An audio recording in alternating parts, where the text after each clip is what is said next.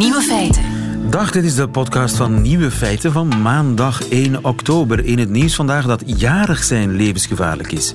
Inderdaad, volgens Brits onderzoek heb je in de week na je verjaardag de grootste kans om een verkeersongeval te krijgen of om op de spoed te eindigen. Het gaat vooral om jongeren die hun verjaardag iets te wild vieren. Maar het effect duurt tot een week na de verjaardag, want veel mensen stellen het feest immers uit tot aan het weekend of tot een vrije dag waarop ze compleet los kunnen gaan.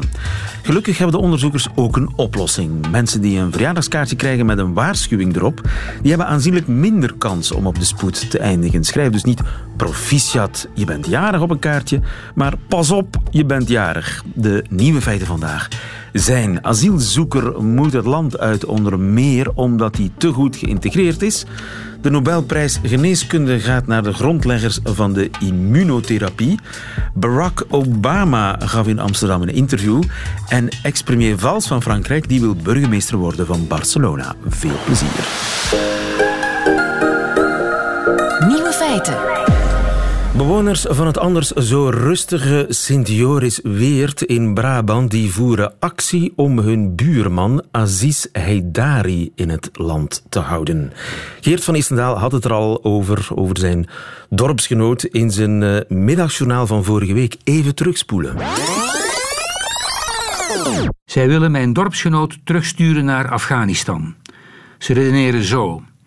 Een kerel die vlotjes werk vindt in een Vlaams dorp, die zal vast geen enkel probleem hebben om zich in Afghanistan aan te passen. Bovendien weten ze bij vreemdelingenzaken dat Afghanistan absoluut een veilig land is. Ik lees af en toe een krant, ik bekijk wel eens een buitenlands televisiejournaal en dan denk ik: Afghanistan is zo veilig als een vuurgevecht van de maffia. En de Taliban zijn zo menslievend als de Waffen-SS. Geert van Istendaal, vorige week in het middagjournaal van Nieuwe Feiten. Goedemiddag, Aziz. Goedemiddag, meneer. Goedemiddag, Aziz. En ook jouw buurvrouw uh, Marissa van den Boom zit uh, naast jou. Aziz, mag ik vragen, hoe lang woon jij al in uh, Sint-Jorisweert? Ja, ik woon al in drie jaar in Sint-Jorisweert. En je hebt er vast werk? Uh, ja, ze, zij willen met mij een vast contract tekenen, maar uh, ik mag niet nog. Ja, dus er zit een uh, vast contract in de pijplijn. En waar werk je? In de, de Lezen, supermarkt De Lezen. En je hebt ook een zoon? Ja, hij is 13, 14 jaar oud. En die gaat naar school? Ja, hij is de tweede middelbaar. Tweede middelbaar. Ja. en hij gaat ook naar de jeugdbeweging? Ja. Uh, Aziz, waarom ben jij naar ons land gekomen? Ja, en, uh, ik zoek uh, ergens veilig, want ik kon niet in Afghanistan wonen. Waarom kon je niet in Afghanistan wonen? ik ben moslim, ik ben Shiit en vooral ik ben Hazara. voor mensen van Hazara, Afghanistan is heel wel gevaarlijk. Want Hazara, wat is Hazara? Afghanistan heeft een weergroep mensen. Uh, Hazara, Pashtun, Oezbek en Tajik. Uh, wij zijn Hazara. Hazara is heel weinig in Afghanistan. Dus uh, dit is een heel probleem voor ons. Voor een Hazara is Afghanistan niet veilig, zegt u. Nu, uw asielaanvraag is afgewezen. En nu is ook uw aanvraag tot regularisatie om humanitaire redenen afgewezen. Met welk argument? Wil je nog... Waar, waar, waarom mag, is jouw aanvraag tot de regularisatie afgewezen? Ja, en, uh, zij zeggen ja, Afghanistan is voor uh, jou is, veilig. En voor jouw kinderen ook is veilig. En je hebt hier gewerkt, je leert Nederlands. En dus je moet teruggaan naar Afghanistan. Dus om, het feit dat je werk hebt en de taal kent, is eigenlijk een argument om jou terug te sturen. Ja, zij zeggen als je kan in België werk zoeken werk wandelen, dus je kan in Afghanistan ook. Maar zij denken niet hier veel mensen helpen met mij. Okay. En er is geen oorlog, hier is uh, OCMW, hier is uh, lieve mensen. Ja, dankjewel uh, Aziz. Goedemiddag Theo Franken. Goedemiddag. Meneer Franke is staatssecretaris voor asiel en migratie. Uh, is goed geïntegreerd zijn een argument om iemand terug te sturen? Uh, nee, natuurlijk niet. Hè. Dus uh, die man, die betrokkenen, die heeft, of, of, de man die daar in de studio zit, die heeft asiel ingevraagd. Die is gekomen met de grote instroom in 2015, 2016, als onze buitengrenzen open stonden. Die heeft asiel aangevraagd in, dus heeft geen asiel aangevraagd om het buitengrens van Europa, wat normaal de verplichting is, maar die is doorgereisd naar België, heeft bij ons asiel aangevraagd.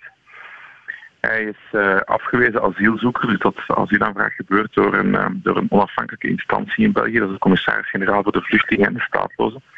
Ik heb daar op zich niets op te zeggen, dat gebeurt in, in volledige onafhankelijkheid. En die gaan na lang en grondig onderzoek oordelen of dat er nood is aan uh, internationale beschermingsstatus voor betrokkenen. Dat hebben ze gedaan en ze hebben dat negatief beoordeeld. Dus daar is uh, heel uh, grondig studiewerk gebeurd, interviews, gesprekken ja. en zo verder. En dat is nee. En vervolgens heeft hij een... Een... Ja, als ik even mag. Dus dan heeft vervolgens is hij een beroep gegaan. Dat beroep is ook afgewezen, dus daar heeft hij ook bots gevangen. Want hij is niet, geen echte vluchteling. Hè. Je kan om alle mogelijke redenen uh, vluchten, maar hij is alleszins niet bestempeld als echte vluchteling door de onafhankelijke instantie asieldienst in België. Vervolgens heeft hij onmiddellijk een nieuwe 9-bus, heeft hij een 9-bis aanvraag ingediend op basis van humanitaire regularisatie. Nu, je moet weten dat die 9-bis-regeling dat die, dat die is voor mensen die zeer lang in België zijn en waarbij de overheid niet op tijd een antwoord heeft geboden op hun vraag tot, uh, tot het behandelen van hun dossier. Ja, bijvoorbeeld, iemand komt hier toe, moet vijf, zes jaar wachten voordat wij als overheid zeggen ja of nee.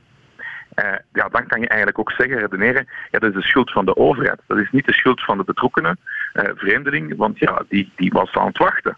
Dus de overheid had maar sneller moeten antwoorden. En dan kan je zeggen, ja, ondertussen die man die zet zijn leven niet op pauze, die begint zich te integreren, te werken, te taal te leren. Na vijf, zes jaar, na acht jaar moet je zeggen, oké, okay, sorry, we gaan hem nu echt niet meer terugsturen, het is eigenlijk onze fout. Ja. En daarom dat ik de humanitaire regularisatie doe. Maar dit is een procedure van uh, een relatief korte procedure geweest. Hij is volledig uitgewezen in een relatief korte termijn. Alleen wil betrokkenen natuurlijk niet terug naar Afghanistan. Hè. Zoals bijna niemand wil terug naar Afghanistan. Dus ik kan betrokkenen gewoon oproepen om uh, toch samen te zitten met mijn diensten van Ferrazil. Te kijken naar vrijwillige terugkeer. Uh, er is een pakket dat mogelijk is. Integratie, 3000 euro steun. Ook cashgeld, gratis ticket. We kunnen hier ook begeleiding doen met IOM, met de Internationale Organisatie voor Migratie. Ja, maar mijn om, vraag om was eigenlijk, toekomst als ik ook iets mag... Uit te bouwen. Uh, mijn vraag was eigenlijk of goed geïntegreerd zijn een argument is om iemand nee, terug te sturen. Niet. Maar het staat wel niet. in die brief. Er staat Ja, letterlijk, in niet. België heeft u uw zelfstandigheid getoond door in korte tijd Nederlands te leren en werk te vinden in een supermarkt. Het is niet onredelijk om te verwachten dat u dezelfde zelfredzaamheid zal tonen in het land waarvan u de nationaliteit toont. Dus het is een, dus, ja, dus die zelfredzaamheid zal een element zijn. Dat is een, een bijkomend argument. Ja, maar het is dat vertalen als zijnde. Die man die heeft hier eh, werk en is geïntegreerd. Dus eh, moet hij zeker terug. Ja, dat is zeker niet de redenering die, die mijn administratie normaal volgt. Ja. Dus ik zal dat dan opnemen met mijn administratie. Mijn administratie behandelt eh, vele duizenden asielaanvragen per jaar. Regularisatieaanvragen beter per jaar. Dus ik zal eens kijken hoe, dat die exacte formulering is. Dat weet ik niet. Hè. Ik, ik, ik lees niet al die, die motiveringen Ja. en motivaties voordat ik daar natuurlijk over ga. Alleszins het punt is dat betrokkenen in relatief eh, korte termijn behandeld is, volledig is uitgeprocedeerd. En dat betrokkenen terug moet, Ja. omdat hij geen beschermingsgrond heeft. Dus dat had En eigenlijk niet in, in die. Eh, Dat is eigenlijk geen argument. Dat had eigenlijk niet in die brief moeten staan. Weet niet. Ja, maar ik zal het opnemen. Met, ik ben nu in Groot-Brittannië rond transitmigratie, een grote belangrijke vergadering. Ik ben even naar buiten gegaan, dus ik zal het opnemen met mijn administratie morgen als ik terug in België ben. Eh, en eens kijken hoe dat, dat juist geformuleerd is. Dat weet ik niet. Ik ken niet al die brieven die worden gestuurd, dat zijn er duizenden per jaar. Maar ik ga dat eens bekijken. Maar alleszins, het punt blijft, want ik vind dat persoonlijk echt een detail hoor. Het punt, men is echt aan het focussen op een detail. Het punt blijft dat betrokkenen wist, één, dat hij geen asiel heeft aangevraagd aan de buitengrens van Schengen, wat normaal de regel is. Dat weet hij goed genoeg. Dat hij is doorgereisd, illegaal, dat hij is toegekomen in België, dat hij heeft asiel aangevraagd en dat hij zeer goed weet dat Afghanistan een erkenningsgraad heeft van rond de 50%. Dus ongeveer 50% wordt ook afgewezen en moet dus ook terug. En dus die man heeft gewacht. Eh, Dat was nee, spijtig genoeg voor hem. Ik vind dat heel spijtig voor betrokkenen. Maar dat is nu eenmaal hoe dat de wet in elkaar zit. En dus die man uh, ja, die is nu uitgeposteerd. Hij moet terug. En hij weet ook heel goed, en zijn advocaat zal dat zeker nog veel beter weten dan als betrokkenen, want die advocaten doen niks anders als vreemdingrecht vaak, uh, dat een 9 bis niet van toepassing is, omdat hij helemaal nog niet lang in België is en helemaal geen lange asielprocedure heeft gehad. Dus de overheid treft geen schuld. En het detail over hoe dat daar juist geformuleerd staat, dat zal ik opnemen met mijn administratie, zodat we daar ongelukkige formuleringen kunnen vermijden. Maar dat is in mijn ogen nog altijd een detail ten opzichte van het grote verhaal. Dankjewel, Theo Franke. Goedemiddag. Uh, dankjewel voor deze verduidelijking. Nieuwe feiten. Coucou de France. Met Alex Visorek. Ah, lekker, lekker. Mijn wekelijkse date met mijn collega bij Radio France, Alex Visorek. Bonjour, Alex. Hola, lieven, ¿cómo estás? Uh, uh, muy bien, mais uh, Alex, en espagnol aujourd'hui? Ja, ja, vandaag is het geen coucou de France, is, het is meer coucou de Catalogne. Oeh la la, en wat brengt jou in Catalonië, Alex? Niet wat, maar wie. Quiero ser el próximo alcalde de Barcelona. Oei, wie is dat? Deze man laat weten dat hij de volgende burgemeester van Barcelona wil zijn. En wie is deze man? Dat is Manuel Valls, de ex-premier van Frankrijk. Hij is dus kandidaat voor het bestuur van Barcelona. Beeld je in, dat is alsof iemand Franstalig burgemeester van Antwerpen zou willen dat, is, dat is inderdaad e- eerder nog draait de aarde rond de maan, denk ik. Ja. Maar hoe is dat nu geboord? Ten eerste is Manuel Carlos Valls Galfetti in Barcelona geboren en pas op zijn twintigste Frans staatsburger geworden. Dus hij heeft wel eh, banden met Catalonië, maar zijn politieke carrière heeft zich in Frankrijk plaatsgevonden en nu terug naar zijn wortels. Eh, wij zouden hem dus kunnen vieren als een mooie Europese voorbeeld, maar dat doen de Fransen uiteraard niet. Luister maar naar de voorzitter van de Parti Socialiste. Bah, ça, serait, ça aurait pu être un beau symbole européen s'il n'était pas parti de France avec le goudron et les plumes. Goudron et plume, is dat uh, pek en veren? Ja, dat is het. Vals verlaat Frankrijk met pek en veren, zegt hij. En wat bedoelt uh, hij daarmee? Ja, uh, daarvoor moeten we terug naar het verleden. Ten eerste blijft Manuel Valls de meest onpopulaire premier van de afgelopen 30 jaar. Aan het einde van zijn termijn waren vier Fransen op vijf teleurgesteld door zijn beleid. Ook in zijn eigen partij, le Parti Socialiste, dus kreeg hij veel oppositie. Maar toch wilde hij de socialistische kandidaat voor de presidentiële worden. Daarvoor moest hij een interne verkiezing winnen en ook zweren dat hij het resultaat van de primaire zou respecteren. Vous engagez-vous les uns et les autres à respecter le résultat de cette primaire quel que soit le vainqueur. Ja, dat was de regel, uh, maar hij heeft niet gewonnen. Dus kandidaat van PS werd Benoît Hamon. En weet je wat Valls liet weten? Est-ce que vous voterez pour Emmanuel Macron? Oui, parce que je pense qu'il ne faut prendre aucun risque pour la République. Voilà, hij steunde de vijand, zeg. Voilà, ik stel je voor Manuel Valls, een man die boos was op Franse voetballer Karim Benzema, die de Marseillaise niet zang vier jaar geleden. En die in zijn eerste interview laatste week in Barcelona heeft gezegd dat hij voor de volgende WK Spanje zal steunen. Integriteit is zijn tweede naam. Had Valls een invloed op de overwinning van Macron? Zeker niet. Maar de overwinning van Macron had zeker een invloed op Valls. Een maand later uh, waren er parlementsverkiezingen, les législatives, en uh, wat er moest gebeuren, gebeurde. Une partie de ma vie politique s'achève. Je, je quitte le Parti Socialiste ou le Parti Socialiste me quitte. Hij verlaat de Parti Socialiste. Of de Parti Socialiste verlaat hem, dat uh, zei hij, want hij wilde kandidaat voor La République en Marche zijn, de partij van Macron. Maar La République en Marche weigerde. Ze weigerde zelf meerdere keren. Hij werd dus kandidaat zonder politieke kleur in zijn stad Evry, zijn favoriete stad, zei hij. Maar in de laatste vier maanden was hij maar vier keer te zien in het parlement. Dus voilà, samengevat tijdens zijn campagne 2017 zei Valls dit. Je veux tout donner, tout donner pour la France qui m'a tant donné. En tijdens zijn campagne 2018 zei hij dat. Je suis ici à Évry, dans ma ville, celle de ma famille, de mes enfants. Ma ville de cœur. En nu is hij in Barcelona. Passi al que passi, am quedaré.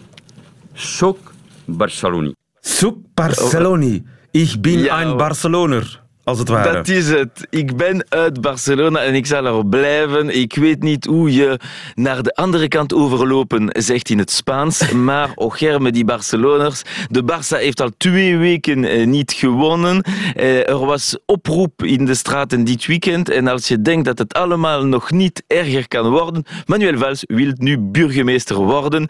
Nu begrijp je zeker beter waarom de voorzitter van de PS dit zei. Qu'il est en fait euh, euh, l'un des, des hommes politiques aujourd'hui les, les plus détestés dans ce pays. Et donc, euh, voyant que son avenir présidentiel est entravé, il a fait le choix de partir.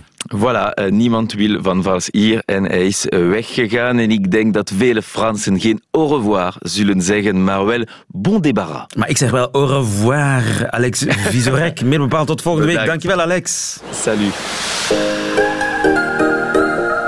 Nieuwe feiten. En zo pas is hij uitgereikt in uh, Stockholm, Zweden, de Nobelprijs Geneeskunde. Nobelförsamlingen vid Karolinska institutet har idag beslutat att Nobelpriset i fysiologi eller medicin år 2018 skall delas lika mellan James P. Allison och Tasco Honjo för deras upptäckt av cancerbehandling genom hämning av immunförsvarets bromsmekanismer. Tasuku Honjo en James Allison moeten hem delen, de Nobelprijs Geneeskunde. Want, eh, voor zover ik deze meneer De Zweet eh, begrepen heb, zij hebben bijgedragen tot de ja, immuuntherapie tegen kanker. Hetty Helsmoortel, goedemiddag. Goedemiddag, lieve. Hetty, jij bent eh, kankerspecialiste in Gent. Kankeronderzoeker. Ja, Kankeronderzoeker. Eh, jij kent die eh, James Allison. Het is een Amerikaan en een Japanner hè, die hem eh, gekregen hebben. Ja, ik ken ze niet persoonlijk, maar ik ken ze van, van hun werk natuurlijk, ja. En zou je kunnen zeggen dat zij de grondleggers zijn van de immuuntherapie? Ha, ik denk eh, tegenwoordig de Nobelprijs, eh, er verscheen vanmorgen nog een artikel, eh, wetenschap is, is groepswerk. Hè, Ehm, om dat dan aan twee mensen toe te kennen. Ehm, ze hebben uiteraard een, een hele grote verdienste, maar er zijn veel meer mensen die daar mee aan gesleuteld hebben. Maar het is zeer terecht, het is een zeer terechte prijs, denk ik. Het is eigenlijk een, een nieuw wapen hè, in, de, in de strijd tegen kanker. Die, En een die goed wapen, naar het schijnt, En inderdaad, een goed wapen, ja.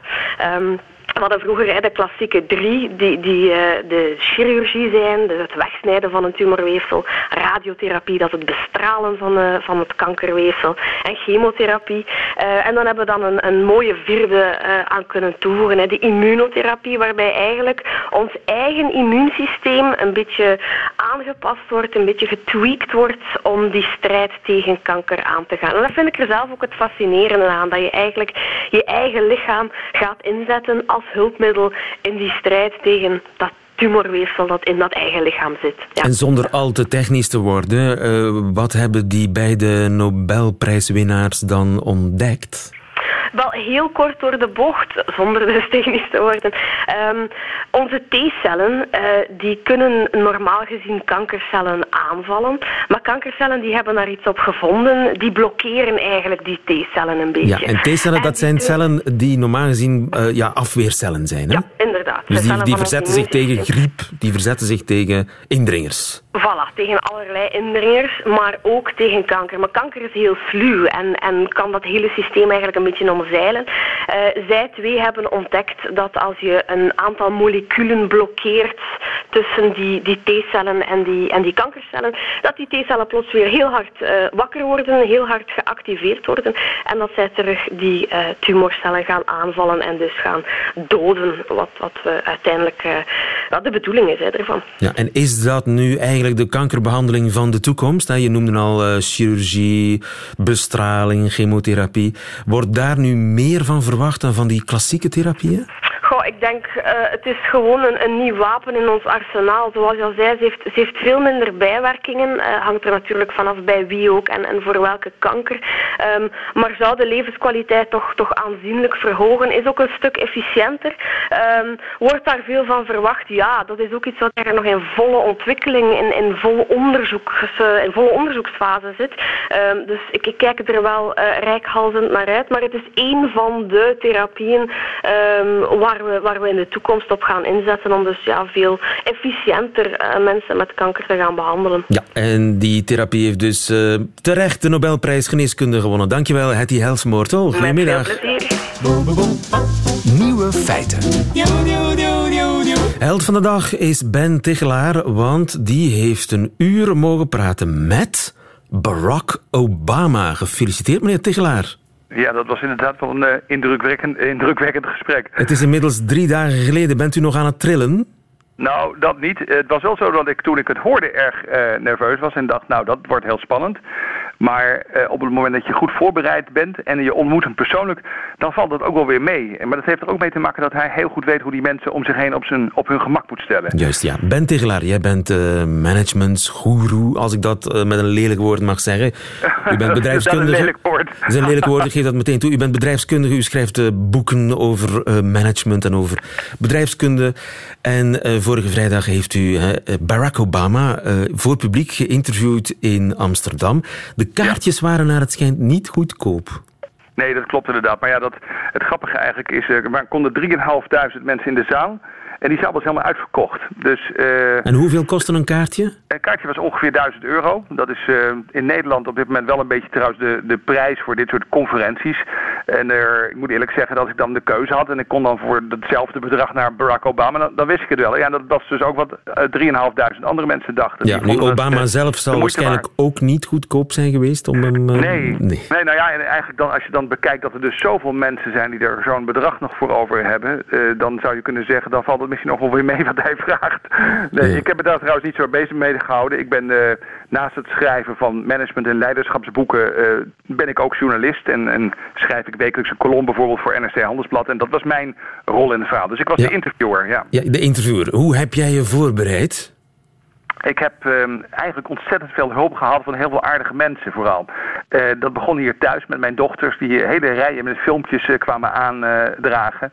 Ehm, ik heb mensen gehad, sowieso mijn vaste team van mensen, van redacteuren, dat mij helpt met het lezen van boeken, het doorworstelen van interviews. Dus om gewoon een goed beeld te krijgen. Maar een ander idee is bijvoorbeeld ook dat ehm, uh, hoofdredacteur Peter van der Meers van NRC Handelsblad heeft uh, de chefs gevraagd op de redactie van denk eens mee, hè, wat, wat voor vragen willen we die Tichelaar meegeven die daar straks op het podium zit. Dus ik had ook van de, de collega's van, van NRC uh, eh, heb ik een hele hoop goede vragen meegekregen die mij hebben geholpen in de voorbereiding. Ja, maar het eerste probleem lijkt mij, hoe spreek je hem aan? Mr. Obama? Nou, daar heb ik me ook direct even in verdiept. Maar het is Mr. President. En de, de meningen in Amerika verschillen. Maar in de media zie je het meest dat uh, mensen worden aangesproken met de titel, de hoogste titel die ze in hun leven hebben behaald. Dus hij blijft voor het leven Mr. President. Ja, er is eigenlijk maar één president tegelijk, maar de aanspreektitel blijft Mr. President. Ja. Oké. En heeft hij bepaalde onthullingen gedaan? Nou, hij heeft wel een paar dingen gezegd die hij niet eerder in interviews heeft gezegd, waar ik eigenlijk best wel uh, uh, verrast over was.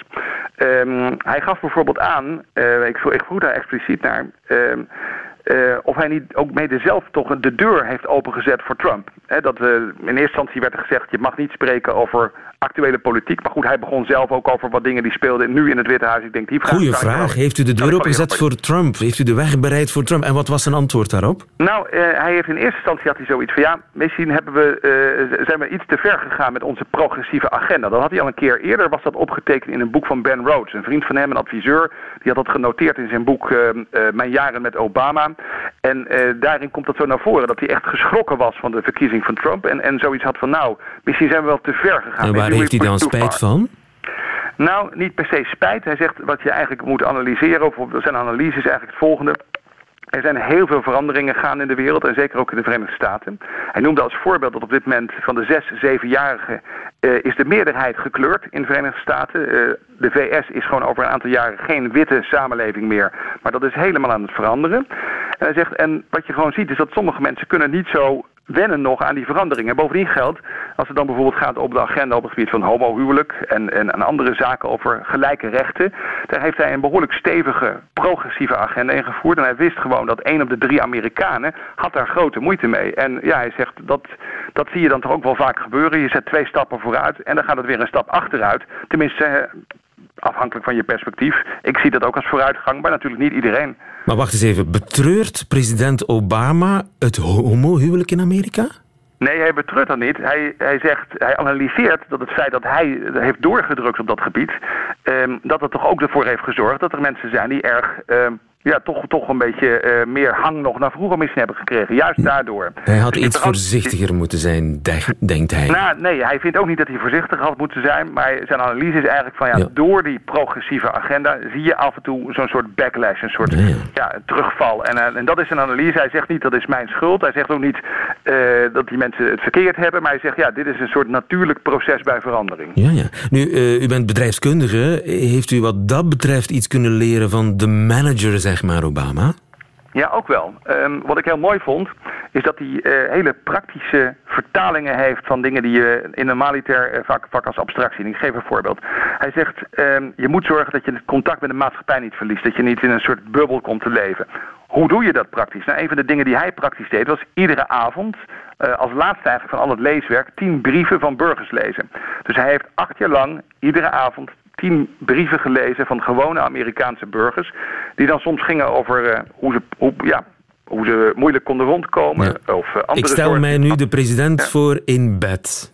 Met brieven. Ja, dat is waar we over praten. Echt waar? En ik, ja, ja dan krijg, en dan krijg je dus iedere avond kreeg hij zijn map met leeswerk voor de avond. En in die map met leeswerk was, was dus ook een selectie van tien van die brieven. En dat heeft hij uh, acht jaar lang uh, consequent elke avond gedaan? Ja, sterker nog, hij kon op het podium nog citeren uit een aantal van die brieven. En uh, dat maakte een grote indruk op de zaal, maar ook op mij. Want dan praat je dus over iemand die niet even gewoon flip, flip, flop door die brieven heen gaat, maar iemand die dus uh, nu nog uh, dingen weet die hij destijds heeft gelezen. Ja. Het, tekent zijn ja, ook wel zijn enorme werklust, maar ook wel zijn enorme, hoe moet je dat zeggen, uh, toch wel zijn nederige houding als leider. En dat, dat sprak mij wel erg aan. Dat zijn dus, toch wel voorbeelden van hele praktische invulling daarvan. Niet in een bubbel gaan zitten contact houden met de realiteit. Nog iets? Ja, een ander is bijvoorbeeld dat hij, en dat is natuurlijk een beetje een sneer naar Trump, maar hij zei, ja, een van de dingen waar ik trots op ben, is dat er gedurende mijn hele presidentschap uh, niemand is aangeklaagd van mijn staf en ook niemand in de gevangenis is gekomen. en hij zei, zei, maar dat is natuurlijk geen toeval. Toen hij aantrad, heeft hij uh, meteen een, uh, een, zeg maar een chef ethiek, een ethical office, heeft hij geïnstalleerd. Met ook vaak weer hele eenvoudige regels. En een van de eenvoudigste regels was nog, if it's fun, you can't do it. Dus als het te leuk is, oh. mag het niet. Dus als mensen dan vroegen, er is een congres of een conferentie op Hawaii, en dat is best interessant. Dan, zei hij, dan zou hij zeggen, of de mensen omheen, nou ja, Hawaii, sorry, dat is te leuk, dat gaat niet door. Oké, okay, dus niet te veel feestvreugde is, was ook een van de deviezen van... Ja, best, best Calvinistisch eigenlijk. Ja, Geen wonder dat de Hollanders het best uh, aansprekend vonden. Ja, ja. Nu, uh, hij heeft echt wel de uitstraling van een popster, hè? toch? Ja, als hij, binnenkomt, als hij binnenkomt, dan krijgt hij uh, een staande ovatie. Mensen beginnen foto's te maken. Dat is echt één chaos. Dus ik kondigde hem aan. Hij liep het podium op. Nou, staande ovatie. Ik vroeg aan hem, does this happen everywhere you go? Gebeurt dit overal? Hij zegt, yes, everywhere. hij moest er zelf wel een beetje op lachen. Maar het is, het, ja, het is uh, knap om een beetje normaal te blijven in zulke omstandigheden, denk ik. Dankjewel, Ben Tigelaar. En geniet nog uitgebreid na van uh, uw interview met Mr. President president Barack Obama vorige vrijdag in Amsterdam voor een uitverkochte zaal van duizenden mensen die elk duizend euro hebben betaald. Ik durf niet vragen hoeveel de president zelf gekregen heeft voor dat interview. Dat is natuurlijk privé. Dankjewel, meneer Tichelaar. Tot de volgende. Nieuwe feiten. Middagjournaal. Beste luisteraars. Ik ben heel, heel kwaad op een goede vriend van mij. En dat zit zo. We zaten twee weken geleden samen in de auto en ergens ter hoogte van Haarlem vertelde ik hem over mijn laatste aankoop. Een airfryer. Nou ja, vertellen. Ik lulde manisch op hem in. Bijna tien minuten lang verklaarde ik mijn liefde aan de airfryer. Ik vertelde Fred, want zo heet mijn ex-vriend, dat je er van alles in kunt doen. Ik vertelde een heel wild verhaal over luchtcirculatie, een frituurmandje En wel veertien keer herhaalde ik dat het heel belangrijk was dat je overal een beetje olie op deed. Er moet olie op. Fred, luister je? Dus je neemt bloemkool, zei ik. Ja, bloemkool. Dus niet friet, maar gewoon lekker bloemkool. En daar doe je dan op wat je lekker vindt. Beetje kruiden, beetje curry en dan pang in dat mandje. Oh, Fred, Fred, het is zo'n leuk mandje. Je moet bijna huilen als je die bloemkoolroosjes tegen elkaar aan ziet liggen in het frituurmandje, glimmend van de olie. Want er moet een beetje olie op, niet te veel. Had ik dat al gezegd, een drupje olie? En dan 15 minuten op 200 graden en je bloemkool is geroosterd. Nou, wat denk je ervan? Dat staat gewoon bij Nico Dijksoor op het aanrecht, een airfryer, ouwe reus. Ja, nou ben je even stil, hè, Fredje? Maar Fred was helemaal niet stil. Fred zei, zoals je dat in auto's doet, zonder opzij te kijken: Ja, ja, ik weet het, wij hebben al twee jaar een airfryer. Luisteraars, ik kon bijna niet meer praten van kwaadheid. Ik stamelde: Hoezo? Hoezo twee jaar? Ja, twee jaar, zei Fred. Handig hoor, zo'n ding. Wij flikken er ook alles in. Lekker, verder nog nieuws, Nico? En luisteraars, nu ben ik zo kwaad. Wat ben je dan voor een vriend? Als je zoiets achterhoudt. Waarom heeft Fred die airfryer voor zichzelf gehouden? Ik had twee jaar eerder bloemkool kunnen roosteren. Eigenlijk, en dat komt door Fred, heb ik twee jaar lang te kort met een airfryer geleefd. Ik vind dat goede vrienden elkaar iets moeten gunnen. Je moet elkaar kennen. Fred, die had zijn geheim met mij moeten delen. Maar ik sla keihard terug. Ik heb nu een citruspers die kruiswoordraadsels op kan lossen. Maar ik vertel hem niets.